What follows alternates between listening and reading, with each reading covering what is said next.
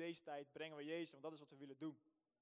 En ik wil jullie ook uitnodigen om gewoon weer net zo enthousiast als altijd te zijn voor de prediker. Dus ik wil dat jullie een warm applaus geven voor iemand die een tijdje eruit is geweest, maar weer helemaal terug is. Dus geef een applaus voor Jason. nice. Hey, tof. Super, eh, super bedankt voor jullie applaus sowieso. En wat een aankondiging. En we zijn hier inderdaad voor één ding en dat is de naam Jezus. En ehm, ik ben enthousiast. Ik weet niet met, uh, hoe het met jullie is, maar uh, zijn jullie ook zo enthousiast als dat ik ben of niet? Yes. yes? Kijk, dat is één yes. Ik hou van een beetje feedback te krijgen, dus uh, ik weet wel dat jullie een beetje pumped up zijn. En als ik wat goed zeg, dan mag je er ook op ingaan natuurlijk. Ehm, dus laat je vooral horen wanneer dat nodig is. Thanks. Hey, um, ik wil eigenlijk aan, jullie, aan jullie wat mededelen. Um, vanuit de Bijbel. Daar gaan we heel veel vanuit preken vanavond, dus dat is heel erg interessant. Um, maar wie, uh, wie heeft er zijn, uh, zijn Bijbel sowieso trouwens bij? Kan ik Bijbels in de lucht zien? Ik zie er één, ik zie er twee. Ik zie telefoons, die mag je inderdaad ook in de lucht steken. Dan zijn het er al wat meer natuurlijk. Yes. Hey, en ik wil vragen of jullie een actieve houding willen nemen. Dus kunnen jullie even gaan staan met z'n allen? Want dat gezit allemaal, weet je wel, word je een beetje lui van. Dan ga je hangen, achterover liggen en zo. Dus het is gewoon goed om te staan. En uh, het is een beetje gek, maar we gaan wat oefeningen doen, zodat gewoon het bloed gaat doorstromen door je lichaam. En uh, eigenlijk wilde ik ook nog tegen zeggen, neem een glaasje water, maar dan gaan we allemaal lopen, moet je allemaal weer van die mondkapjes op en zo. Want er is dus blijkbaar ook een trucje, dat wist ik helemaal niet, maar dat heeft iemand me verteld. Als je water drinkt, onthoud het hè, als je, naar, jullie gaan waarschijnlijk nog allemaal naar school, misschien hier ook nog een paar. Maar als je water drinkt, dan kunnen je hersenen blijkbaar meer opnemen. Dus dan kan je ook meer onthouden en dus sneller ja, leren eigenlijk. Maar goed, voor nu, we gaan even wat oefeningen doen. Um, blijf wel op je plek natuurlijk. Um, maar het is gewoon een beetje om uh, wat, wat warm te worden en je lekker je bloed uh, door je lichaam te doorstromen. Dus doe mij maar na, ja? Dit is een soort van, ken je dat programma trouwens? Waar je Nederland, hoe heet dat programma? Nederland in beweging, waar al die oudere mensen, sorry als hier oudere mensen zijn. kijk, kijk. Waar al die oude mensen, die kijken dan naar een tv'tje, weet je wel, en die gaan dan al die mensen nadoen die dan in zo'n zaal staan en die luisteren dan naar iemand die ook zo'n headset heeft, op heeft als ik. Dus, uh, dus dat gaan we doen, dus doe mij maar lekker na en dan uh, gaan we zo lekker beginnen. Ja? We doen net alsof dat we bij een voetbaltraining zijn, dan warm je ook lekker op. Dus we gaan nu eerst uh, hoge knieën doen, yes? Doe maar even zo. Ja, ja, ja. 1, 2, 3, 4, 5, 6, 7, 8, 9, 10. Ja, lekker. Oké, nu gaan we hakken billen doen. Dus doen we, doen we ook gewoon, ook, ik ga tot 10 tellen en dan uh, zijn we klaar. 1, 2, 3, 4, 5, 6, 7, 8, 9, 10. Lekker hoor. Wie is al een beetje warm? Zijn jullie al aan het zweten? Oké, okay, laten we het hierbij. Dan mag je weer gaan, uh, gaan zitten.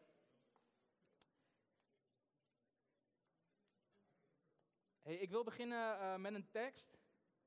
En die tekst die staat in, uh, in 2 Korinthe 10, vers 4 en 5.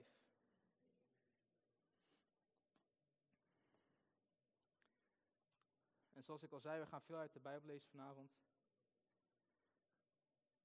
Maar ik wil eerst beginnen met een gebed. Die dus uit deze versen zijn uh, gemaakt. Ik heb misschien iets in mijn eigen woorden gezet. Maar ik wil graag dat je met, met me meebidt. Dus um, ja, je mag je ogen open houden, je mag ze sluiten, je mag op je kop gaan staan, doe wat je wilt. Maar zeg maar maar na en dan uh, gaan we daarna lekker beginnen. Dank u wel, lieve God, voor dit moment. Dank u dat ik mag strijden met uw wapens. Niet met menselijke, om elke tegenstand te breken. Met deze wapens ontkrachtig ik alle argumenten die zich tegen u verzetten. Alle barrières tussen u en mij worden daardoor neergehaald. Met deze wapens breek ik elke opstand van menselijk denken om die terug te brengen tot gehoorzaamheid aan Christus Jezus open ik mijn hart voor u. Amen. All right, let's go. hey, wie van jullie gelooft er hier in het feit eerst zien dan geloven? Mag ik handen zien? Ik zelf geloof daar eigenlijk best wel in, als ik heel eerlijk ben. Ik wil altijd eigenlijk graag feiten zien en dan pas ga ik geloven. Eigenlijk zo'n beetje, ja, ongelovige Thomas ook deed. Kennen jullie het verhaal van ongelovige Thomas? Die wilde eerst het bewijs hebben dat Jezus aan het kruis was genageld en dat hij was opgestaan uit de dood. En hij wilde de littekens in zijn handen zien voordat hij eigenlijk zou kunnen gaan geloven. Eerst zien en dan geloven. Zo gaat hij toch? Eerst zien en, en dan geloven. Yes? Ik heb hem goed. hey, ik heb er eens over nagedacht. Geloof ik eigenlijk wel alles wat ik zie? En eerlijk gezegd is dat niet helemaal waar. Ik geloof niet alles wat ik eigenlijk allemaal zie. Zoals bijvoorbeeld dat er nu wordt gezegd dat er ijsvorming is op Mars. Ik geloof het eigenlijk helemaal niet. Ik heb het niet met mijn eigen ogen gezien, dus ik geloof, geloof het niet. Ze zeggen dat het er wel is. Ze hebben foto's natuurlijk, maar wie zegt dat het echt zo is? Geloof ik dat iemand is genezen van een, van een verlamming? Vaak, als ik heel eerlijk ben, dan geloof ik dat niet. Dan denk ik, ja, laat maar eens zien. Heb je eerst in een rolstoel gezeten dan? Weet je wel, als iemand dat zegt. Ik heb niet gezien dat die persoon uit die rolstoel is opgestaan. Of dat ik wist dat diegene eerst verlamd was voordat hij uit die rolstoel, rolstoel opstond. Geloof ik dat ik een 8 heb gehaald voor een toets of hoger? Ik ben niet zo goed in toetsen maken. dus ik ben uh, altijd heel erg blij als ik een 8 haal of hoger. Dus ik vind het bijzonder als ik dat haal. En ik geloof het soms dus ook echt niet als ik een resultaat zie van een toets.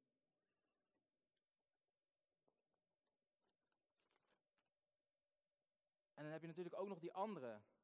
Geloof ik de dingen die ik niet kan zien? Dat Jezus bijvoorbeeld voor mijn zonde is gestorven en ook is opgestaan? Of dat een Porsche Taycan 760 pk heeft? Wie zegt dat het waar is? Ik heb er toevallig vorige week in mogen, niet mogen rijden, maar als bijrijder bij mogen zitten. Super gave wagen. En die man die aan het rijden was, die zegt, ja, er zit 760 pk in. Kan 260 km per uur aantikken. Wie zegt dat er 760 pk in zit? Of dat gebed wordt gehoord en dat het altijd een uitwerking heeft. Of dat zwaartekracht een natuurwet is. En ik wil met jullie opslaan Hebreeën 11, vers 1. En dan wil ik met jullie lezen wat daar staat. Dus als je er bent, dan mag je zeggen, ik ben er.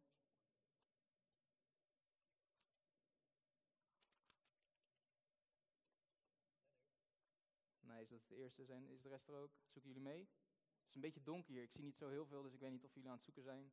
Ik zie sommige mensen nog niet echt zoeken of zo, maar ik ga gewoon lekker beginnen met lezen. Want in vers 1 daar staat: Het geloof legt de grondslag voor alles waarop we hopen. Het overtuigt ons van de waarheid van wat we niet zien.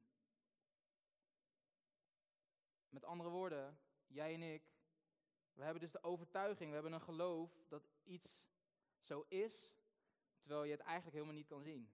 Want als jullie, ik weet niet, misschien zijn er mensen die niet geloven, maar voor de mensen die wel geloven, jullie geloven dus eigenlijk in iets wat je eigenlijk helemaal niet hebt kunnen zien. Je gelooft in iets dat Jezus aan het kruis is gegaan voor jou en dat hij aan het kruis gestorven is, dat hij aan het kruis is gegaan om al jouw zonden te vergeven en dat hij ook weer is opgestaan.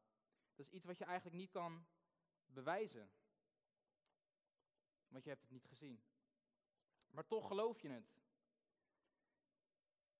Maar die overtuiging, het geloof, hoe zit dat nou eigenlijk in elkaar? Ik vind het soms eigenlijk best wel uh, simpel en soms ook wel heel erg ingewikkeld. Want het is heel simpel om het aan te nemen, maar eigenlijk wat er ook nog allemaal omheen zit, dat vind ik soms best ingewikkeld. Zoek met me op Marcus 11 en dan gaan we lezen in vers 12.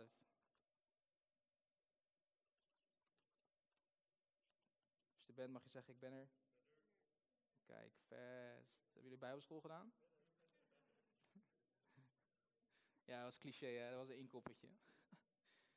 Oké, okay, alright. Wie, um, wie er is, mag lekker meelezen en anders mag je het uh, aanhoren. Ik, um, ik ga lezen vanaf eh, vers 15. Of even kijken, zeg ik het goed? Vanaf 12, sorry. En dan lees ik tot en met vers 14. En dan vervolgens lees ik vanaf vers 20 tot en met 24. Het gaat hier over, ehm, over het verhaal van Jezus. ehm, toen ze eigenlijk uit uh, vertrokken. Dus vanaf daar eh, ga ik lezen. Toen ze de volgende dag uit Betanië vertrokken, kreeg hij honger.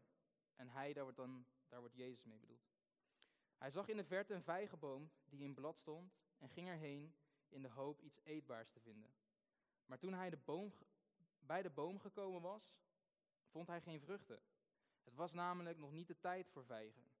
En hij zei tegen de boom, nooit of te minner zal er nog iemand vruchten van jou eten.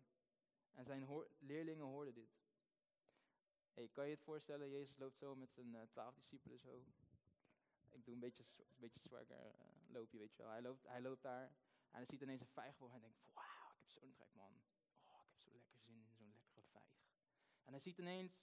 Er zit er geen vijg aan die boom. En hij verdoemt gewoon ineens die boom. Out of nowhere. What the heck? En uiteindelijk gaan we dan verder lezen. En dan gaan we lezen wat er dus met die vijgenboom is gebeurd. Ik vind het zo, zo weird. Ik bedoel, Jezus, weet je wel, hij kan alles. Hij kan gewoon waarschijnlijk een vijgenboom, weet je wel, gewoon zo ploep. En dan komt een vijgje, komt een vijgje aan en hij, hij reageert zo. Maar goed, we gaan verder lezen. En dan staat er, toen ze s'morgens vroeg weer langs de vijgenboom kwamen, zagen ze, zijn leerlingen, dat hij tot aan de wortels verdord was. Die boom was gewoon dus totaal dood, tot aan de, tot aan de grond. Petrus herinnerde zich het voorval en zei, zei tegen Jezus, Rabbi, kijk, de vijgenboom die u vervloekt hebt, is verdord. En Jezus zei tegen hen, heb vertrouwen in God. Ik verzeker jullie, als iemand tegen die berg zegt, kom van je plaats en stort je in zee, en niet twijfelt in zijn hart, maar gelooft dat, dat gebeuren zal wat hij zegt, dan zal het ook gebeuren. Daarom zeg ik jullie, alles waarom jullie bidden en vragen, geloof dat je het al ontvangen hebt en je zult het krijgen. Als ik dit stuk lees, weet je, dat, dat stu voorstukje van de vijgenboom, ja, dat is leuk, maar het gaat eigenlijk om uh, dit stuk vanaf vers 22 tot en met 24. Er staat dus dat Jezus tegen hen zei, heb vertrouwen in God. En dan staat er vervolgens in de regel daarna, ik verzeker jullie, als iemand tegen die berg zegt, kom van je plaats en stort je in zee en niet twijfelt in zijn hart, maar gelooft dat gebeuren zal wat hij zegt, dan zal het dus ook gebeuren. Wat ik, wat ik hier dus eigenlijk lees, is dat het dus draait om, om vertrouwen. Vervolgens staat er dan, en niet twijfelt in zijn hart. Dus eigenlijk, wat Jezus hier zegt, als je vertrouwen hebt in mij, als je vertrouwen hebt in God, en niet twijfelt in je hart, dus volkomen weet dat ik het zal doen, dat je dan het krijgen zal waarin je gelooft. En ik vind het zo bijzonder, want vertrouwen is eigenlijk best wel een moeilijk ding. Ik, uh, als, ik, als ik iets mag delen over mezelf, ik heb een relatie met Fem, we zijn verloofd. En, uh, thanks, nice. Um, weet je, vertrouwen is best wel gewoon, tenminste voor mij, misschien dat jullie, dat, jullie dat herkennen, maar ik, ik vind vertrouwen, vind ik echt, dat vond ik in het begin zo moeilijk toen ik Fem leerde kennen. Ik uh, had zelfs, denk ik, nooit bewezen, maar een beetje bindingsangst. Dus ik durfde in het begin helemaal niet te delen wat er eigenlijk in me omging. Um, we hebben er heel lang over gedaan om elkaar echt goed te leren kennen. Omdat ik, zou ik maar zeggen, back and forward ging. Dan wilde ik wel weer alles delen, dan wilde ik weer niet alles delen. En zo ging het allemaal, zou ik maar zeggen, op en neer. En zo is het eigenlijk ook met God. Want hoe ik eigenlijk Fem heb leren vertrouwen, en waarschijnlijk andersom ook, uh, is dat je dat door, gaat maken doordat je gewoon tijd met elkaar besteedt. En zo is het dus ook met God. Ik geloof echt dat wanneer je meer met God, tijd met God doorbrengt, dat je wanneer je meer in de Bijbel leest, dat je dus ook echt zal lezen wat Hij allemaal kan, wat Hij allemaal doet en wie Hij is. En dat je vanuit daar het vertrouwen krijgt dat Hij een goede vader is, dat Hij voor je zorgt, dat Hij er altijd is, dat Hij je nooit veroordeelt en dat Hij samen het leven met je wilt leven. Het brengt leven en zekerheid en het brengt dus ook vertrouwen met zich mee. Waardoor je dus in geloof kan staan en de dingen kan gaan zien gebeuren als je erin gelooft. Hiervanuit wil ik graag lezen met jullie in Matthäus 4, vers 4. Om te laten zien wat het inhoudt als je ja, tijd met Jezus doorbrengt en als je zijn woord leest. In vers 4 staat namelijk, de mens leeft niet van brood alleen, maar van ieder woord dat klinkt uit de mond van God. En in 2 Timotheus 3, vers 16, daar staat, elke schrifttekst is door God geïnspireerd en kan gebruikt worden om onderricht te geven, om dwalingen en fouten te weerleggen en op te voeden tot een deugdzaam leven. Oftewel, het brengt leven. Het geloof is dus iets wat, het, wat een zaak is van het hart. En ik geloof dus dat wanneer we ons hart, zou ik maar zeggen, willen voeden, dat we dan ons meer moeten verdiepen in het woord. Ik wil met jullie lezen in, um, in Lucas 19, vers 1 tot en met 10. En dan gaat eigenlijk pas mijn preek beginnen. Dus mag dan uh, de high en de lows op het bord alsjeblieft. Want in Lucas 19, vers 1 tot en met 10, um, daar, daar staat, kijk hoor, ga ik even goed opzoeken.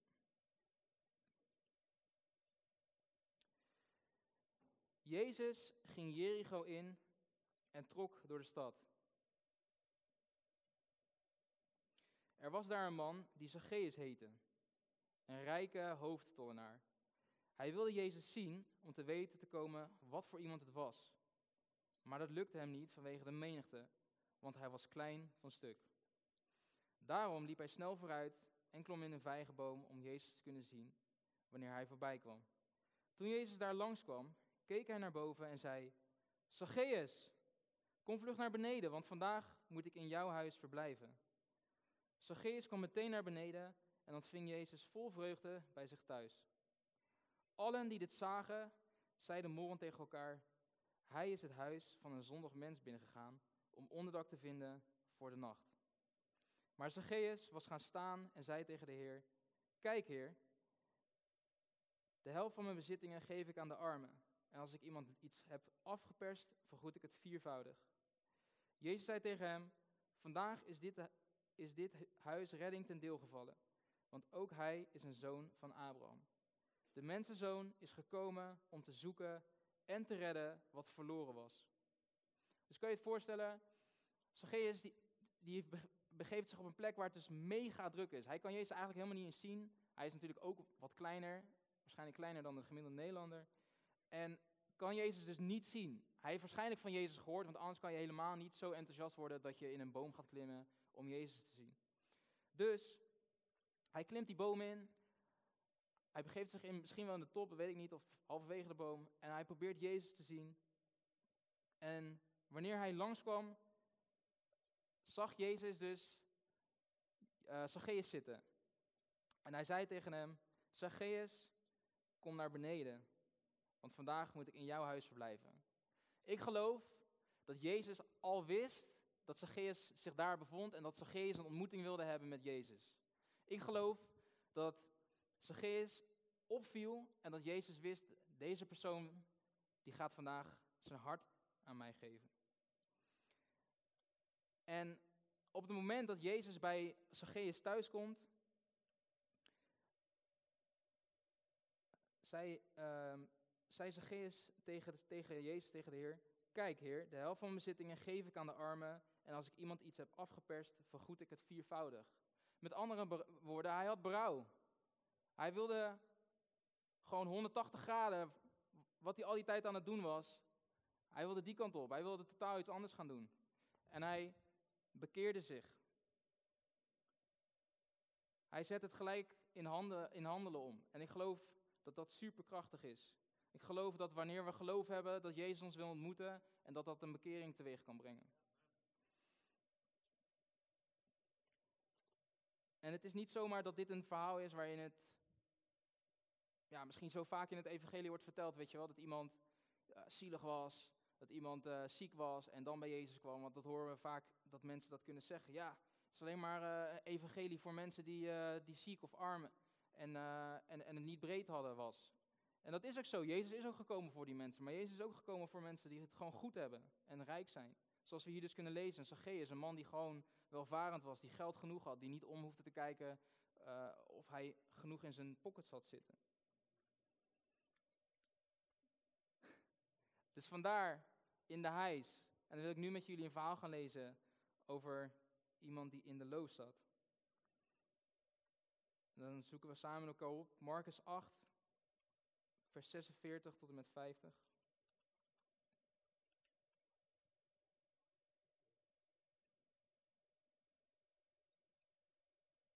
Sorry, ik zeg, ja, nee, ik zeg het verkeerd. Het is Marcus 10 in plaats van 8 en dan vers 46 tot en met 50.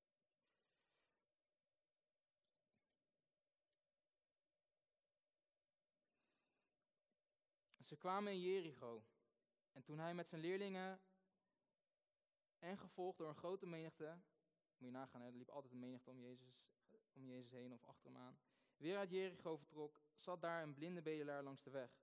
Een zekere Bartimaeus, de zoon van Timaeus. Toen hij hoorde dat Jezus uit Nazareth, Nazareth voorbij kwam, begon hij te schreeuwen: Zoon van David, Jezus, heb medelijden met mij. De omstanders snauwden hem toe dat hij zijn mond moest houden. Maar hij schreeuwde des te harder: Zoon van David, heb medelijden met mij. En Jezus bleef staan en zei: Roep hem. Ze riepen de blinde en zeiden tegen hem: Houd moed, sta op, hij roept u. Hij gooide zijn mantel af, sprong op en hij ging naar Jezus toe. En Jezus vroeg hem: Wat wilt u dat ik voor u doe? En de blinde antwoordde: Rabuni, zorg dat ik weer kan zien. Jezus zei tegen hem: Ga heen, uw geloof heeft u gered. En meteen kon hij weer zien en hij volgde hem op zijn weg. Dit is een totaal ander voorbeeld dan daarnet. Dit is iemand die in de loos zat. Dit is iemand die blind was. Gewoon niks en niks en niks kon zien. Het was zwart voor zijn ogen. En het valt mij zo erg op dat hij Jezus, Jezus gewoon benoemt als zoon van David. Hij wist, dit is de koning. Dit is de persoon waarbij ik moet zijn. Hij kan mij genezen. En hij had zoveel geloof dat ik het zo bijzonder vind dat er dan op een gegeven moment staat dat die discipelen tegen hem zeiden: Houd moed, sta op, hij roept u. Die discipelen zeiden dus eigenlijk tegen hem: Yo man, hij heeft je gehoord. Yo, hij heeft je gehoord man, houd moed, nog even, dan ben je genezen. En ze riep, en, ze, en hij, ging, hij sprong waarschijnlijk op, hij gooide zijn mantel af en hij ging naar Jezus. Oh, dat staat er zelfs ook. Hij sprong op en hij ging naar Jezus. En Jezus vroeg hem heel simpel, wat wilt u dat ik voor u doe? En de blinde antwoordde, Rabboni, zorg dat ik weer kan zien. Hij had geloof, hij kende Jezus waarschijnlijk alleen van naam. Maar hij had geloof dat deze Jezus, dat hij hem kon genezen en dat hij gewoon in een oogwenk hem weer kon laten zien. En ik vind het zo powerful dat je met geloof het ondenkbare dus voor elkaar kan krijgen.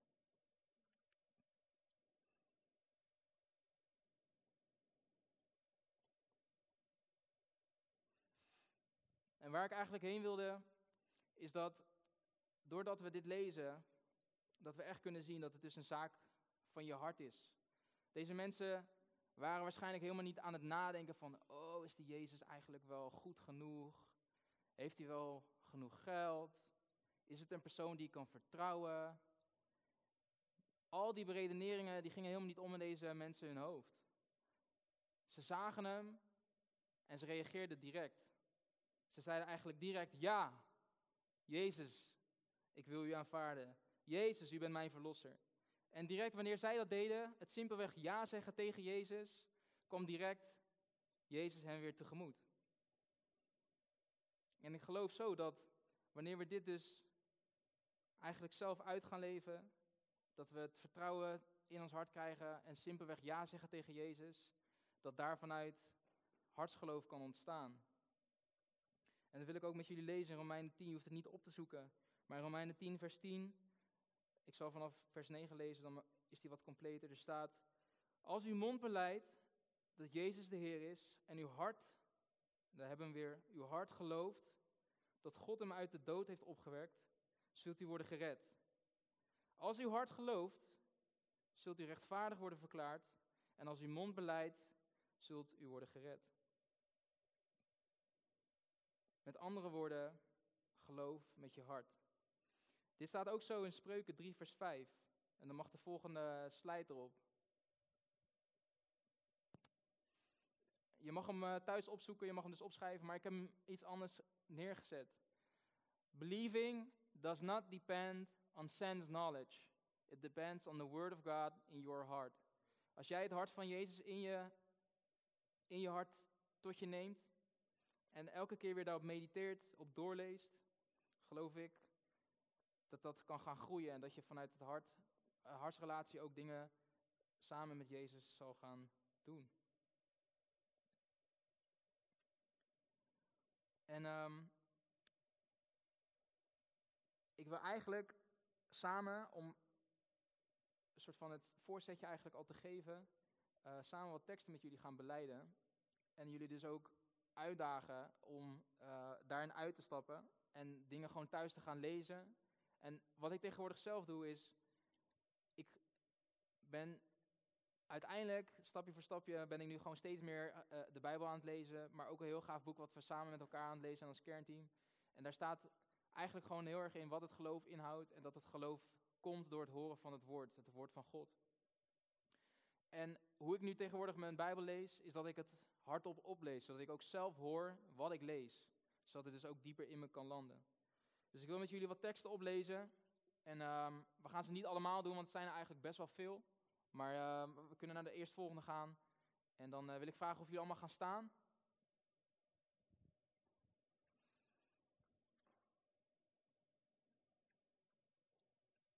Dan gaan we gewoon wat teksten oplezen met elkaar. En je mag ze personaliseren, oké?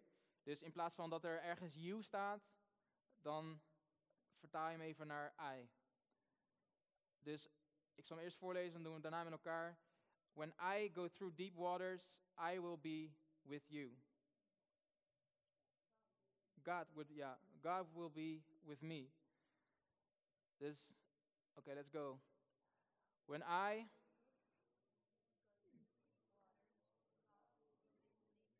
Yes, volgende. You will receive power when the Holy Spirit has come upon you. Dus we veranderen weer een I. I.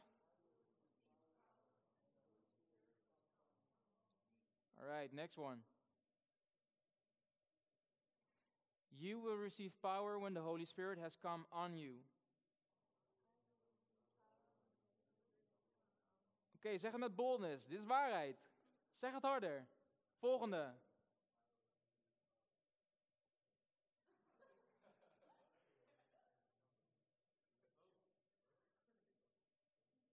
If you need wisdom, ask our generous God, and he will give it to you.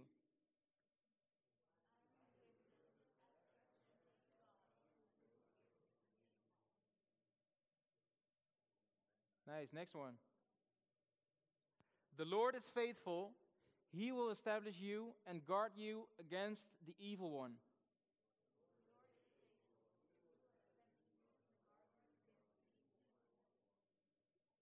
Nice. Next one. For the Lord your God goes with you. He will never leave you nor forsake you.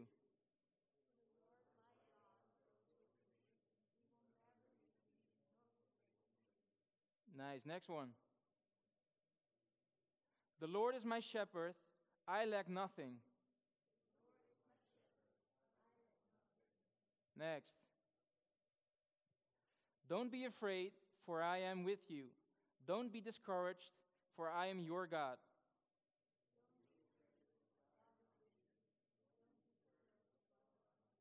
Next one. No weapon that is used against you will defeat you. Next one. For I can do everything through Christ who gives me strength. Okay, dan de laatste. Uh, with his love, he will calm all your fears and he will rejoice over you with joyful songs.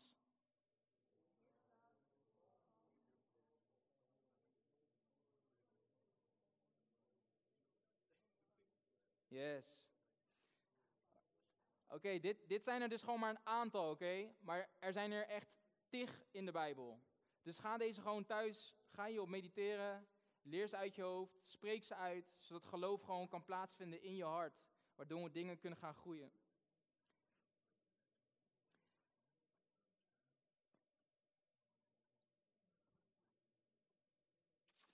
En voor mij is interessant dat ik zelf, doordat ik dit uh, zelf ook nu aan het doen ben, dat ik echt merk dat, er, dat ik tot leven kom. Dat er iets in me op wordt gewekt, waardoor ik eigenlijk gewoon zelfs meer zin heb in een dag uh, dan hiervoor. En dat ik ook merk dat het me dus ook anders doet laten denken, omdat als ik dingen hardop zeg, komt het uit, op een gegeven moment in mijn hoofd, wil ik er dus ook mee bezig zijn. En uiteindelijk is de bedoeling dat het dus tot je hart komt en dat het eigenlijk hier zich gaat vestigen, waardoor je daaruit kan gaan leven.